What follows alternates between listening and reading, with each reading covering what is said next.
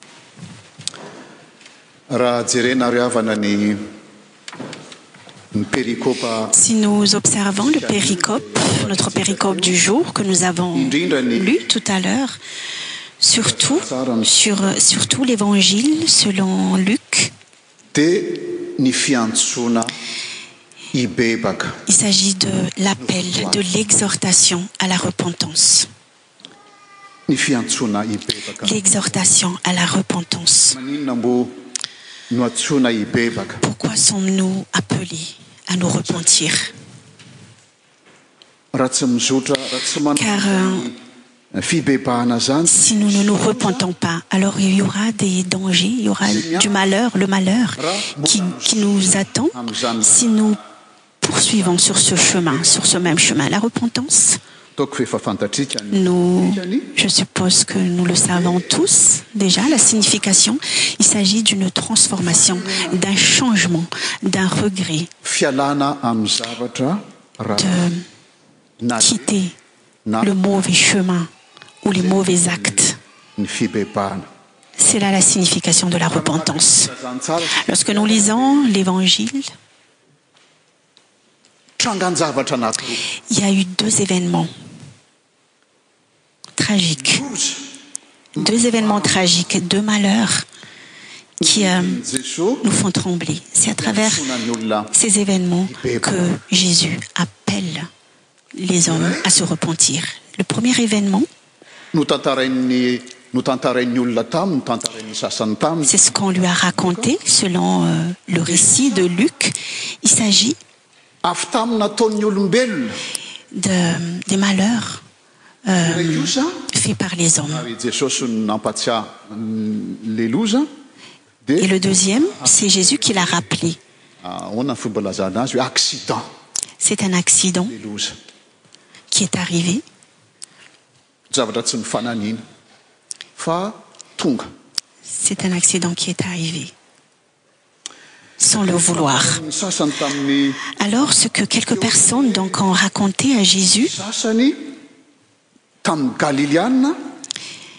ce qui est arrivé au galiléens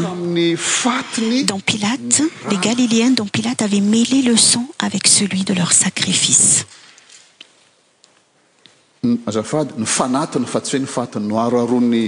euh, avait mêlé le sang des galiléens euh, avec celui de leur sacrifice dons ce que nous observons pilate donc nous savons que cet homme c'est un homme violentonutcest d'avoir la paixureilvraitlors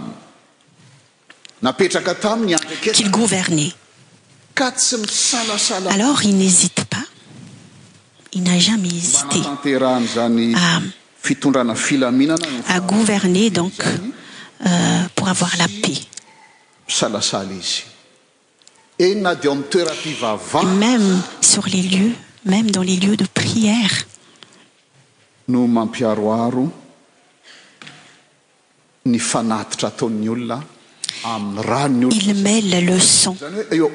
galiléens avec celui de leur sacrificedonc pour les juifschers amisest interi lq' fasse un sacrifice e non seulement on le tue mais de mêlerdonc le sacrifice avec le sang des galiléens des hommes ceci est interditla question qui pourrait se poser euh, pour les juifs c'est celle-ci ce sont des gens qui viennent pour célébrer inculte on ne sait pas pourquoi pilate les a tués peut-être faisait-il partie des nationalistesqui qui euh, euh, protègent euh, la gouvernance de leur pays et cela dérange pilat qui lui s'oppose à ses objectifs alors pilat n'hésite pas à les tuermais pour les juifs une question peut se poser et qui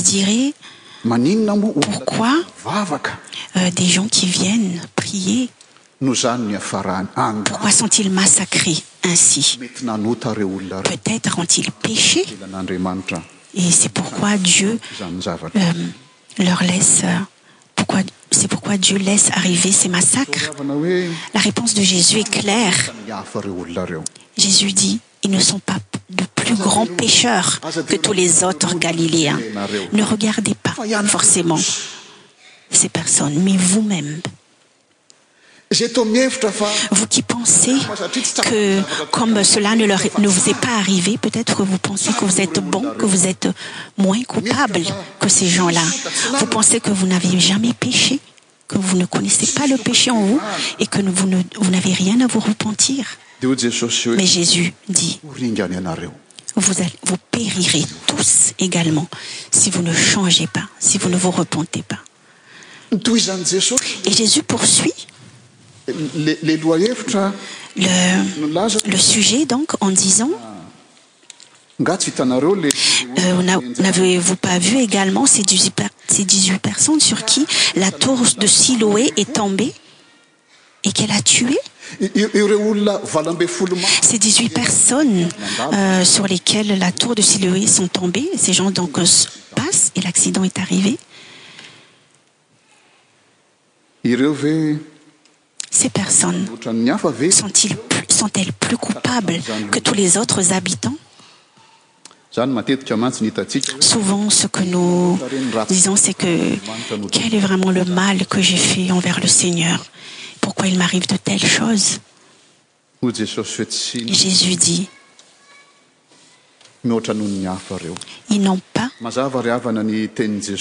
ils ne sont pas plus coupables que les autres la parole du seigner de jésus est claire le danger n'est pas le malheur nes as ah, la conséquence du péché le manque de danger n'est pas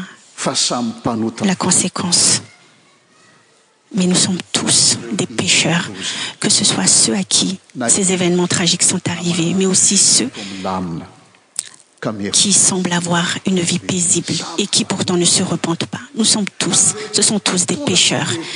alors cela nous amène jésus amène à la réflexion euh, à travers cette parabole euh, sur euh, la repentance un fruit le fruit quomporte c'età travers celà qu'on rivèle la repentance c'est l'exemple donc c'est l'illustration que jésus amène et la question aussi qu'il amène à ceux qui l'écoutent alors on doit se poser la question moi oceuet non les personnes quisur euh, qui la tour de siloé est tombée ou ces galiléens qui ont été massacrés mais moi-même moies-ce que je porte le bon fruit de la repentance c'est ce que jésus souhaite transmettre à ces personnes lorsqu'il euh, utilise ces euh, deux événements jésus s'adresse à nous est-ce que je porte le bon fruit de la repentance alors lil euh, dit cette parabole sur euh, ce figuier stérile nous sommes comme ce figuier euh, qui est planté sur dans une vignec'est-à-dire qu'on ousdo on nous donne tous les bienfaits et qui nous donne ses bienfaitc'est celui qui a été qui est d'éternité en éternité celui qui suit qui est éternel c'est lui qui nous donne notre délivrance de toutes les chaînes comme le peuple en égypte lorsque euh, dieu a envoyé moïse pour délivrer ce peuple jésus euh, moïse lui dit mais pourquoi moi pourquoi tu m'envois moi l'éternel y avait celui qui était et qui sera éternellement sa divinité se révèle ainsi c'est ce dieu qui te donne out qui taccorde tout es biaitstou les bienfaits tous es bieaits qui ta délivré de la servitude ce qui est tist slon l'histoire de l'apôtre paul dans ce que nous avons lu tout à l'heure ce qui est triste c'est quemêm si euh, euh, même si la délivrance a été donnée ils n'ont pas su vivre de cette délivrance ils n'ont pas su vivre de la parole de dieu alors ils ont péri l'apôtre paul dit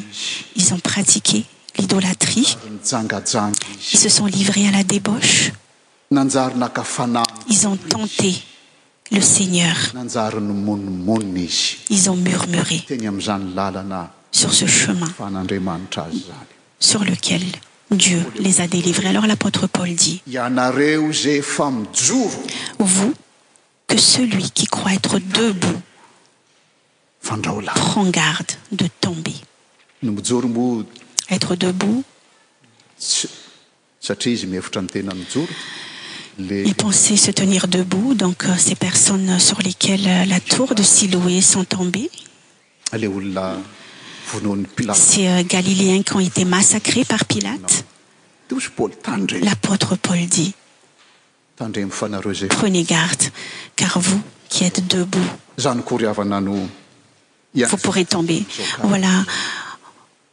cest en quoi on nous exhorte en se temp de carême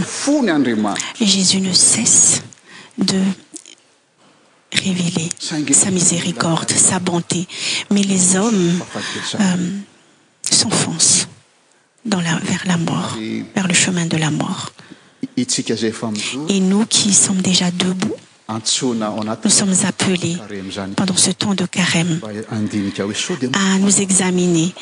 euh, est-ce que nous avançons vers la mort eeest-ce que je porte verement-ce vraiment les fruits de la repentance jésus est mort sur la croix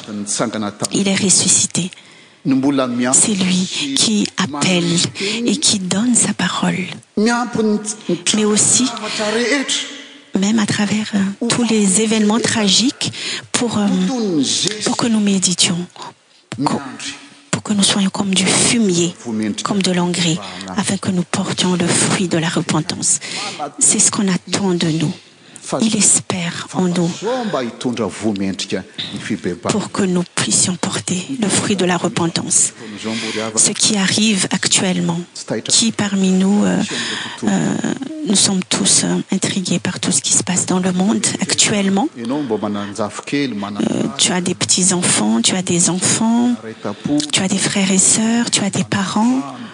une maisontu voisqu'en un clin d'œiltout cela peut être détruitn021tout ce qu'on peutque la sagesse humaine a évolué et pourtant il y a quand même des événements qui peuvent arriveronv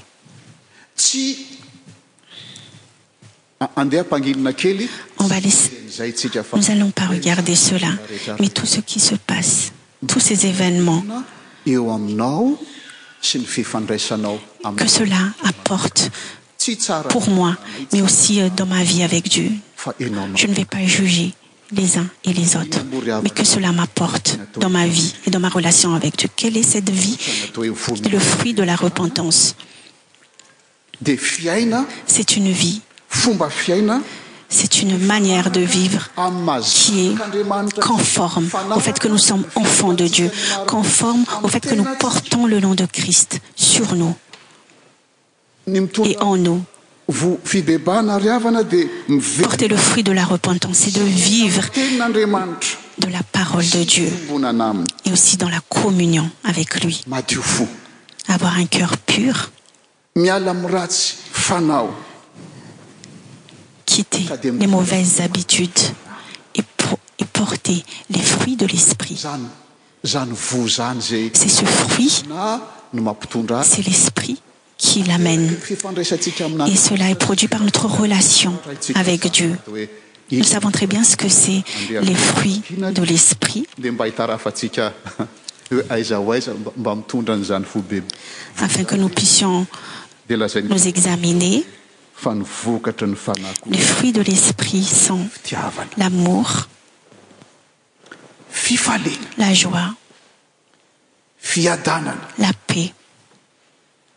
fahr-po la patience famouram-panahy la bonté fanoovan-tso famarinana la vérité la justice fahononam-po il n'y a aucune loi qui s'oppose à cela dit l'apôtre paul car celui qui appartient à jésus-christa crucifie tous ces désirs de la chair sur la croixc'est ce que veut dire porter le fruit de la repentance chers frères et sœurs comme le peuple de dieu nous sommes euh, comme le peuple d'israël comme l'apôtrepaul dit nous avons été baptisés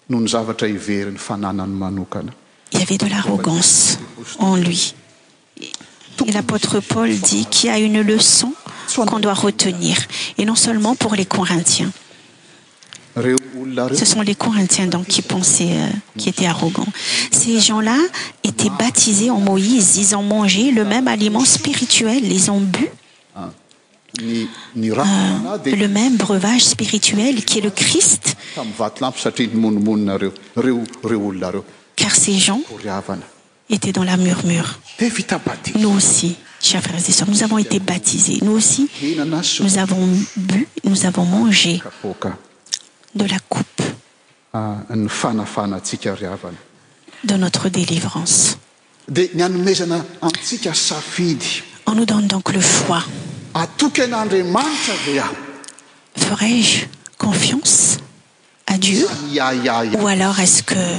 je vais je vais hésiter je vais être dans le doute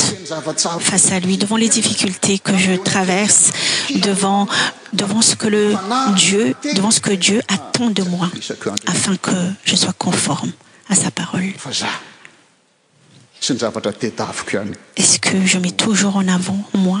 et ce que je recherche es-ce que je place toujours ma confiance en moi et ce que je recherche c'est le message que le seigneur nous donne en ce temps de carême afin que nous puissions nous examiner nous-mêmes est-ce que nous portons le fruit de la repentance et à travers ces fruits de l'espritquels sont ceux que je n'ai pas souvenons-nous que lui qui a été et qui sera éternellement c'est notre dieu c'est lui notre dieu il ne nous laissera pas seul ce dieu il ne nous laissera pas seul alors placerons-nous notre confiance en lui alors cette confiance doit être révélée àtravers notre relation entre nous mais aussi euh, à travers la disposition de notre cœur à travers les responsabilités que nous avons nous nous levons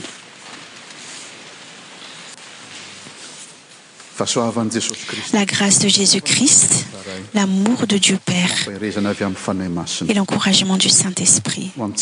soit avec nous chaque jour amen